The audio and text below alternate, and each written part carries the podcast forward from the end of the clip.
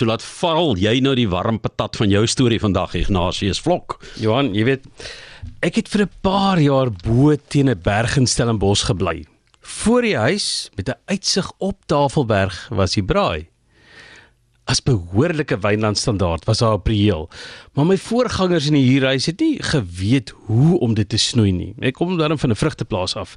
So baie kort lote snoei en die nuwe groei se lote mooi versprei het my op 'n plek gekry waar daardie comb over oor die bleskolle na 3 jaar mooi toe gegroei het.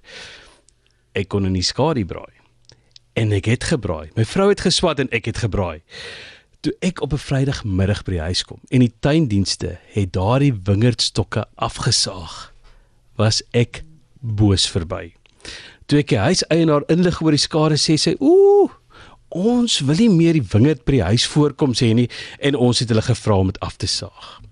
Jy weet, Anyway, ek het die snuitkewers wat aan daai wingerd kom vreet het met die hand gevang vir jare.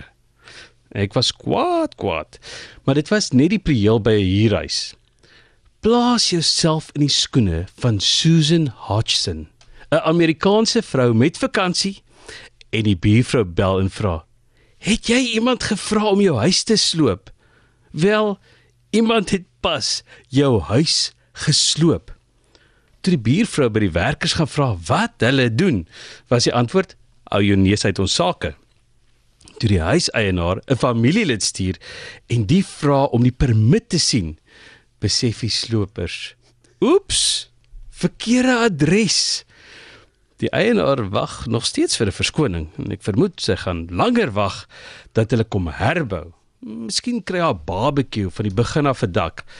Want is 'n lang wag vir 'n prieel om toe te groei. Mm, Ignatius nou gee 'n klomp mense uh eintlik hondse gedagte wat 'n see uitsig van ontneem is deur 'n dubbelverdieping huis wat dalk voor hulle gebou is wat hulle nie voorsien het nie, né? Ooh, gaan iemand per ongeluk by 'n verkeerde adres opdaag? Ho, ho, ho.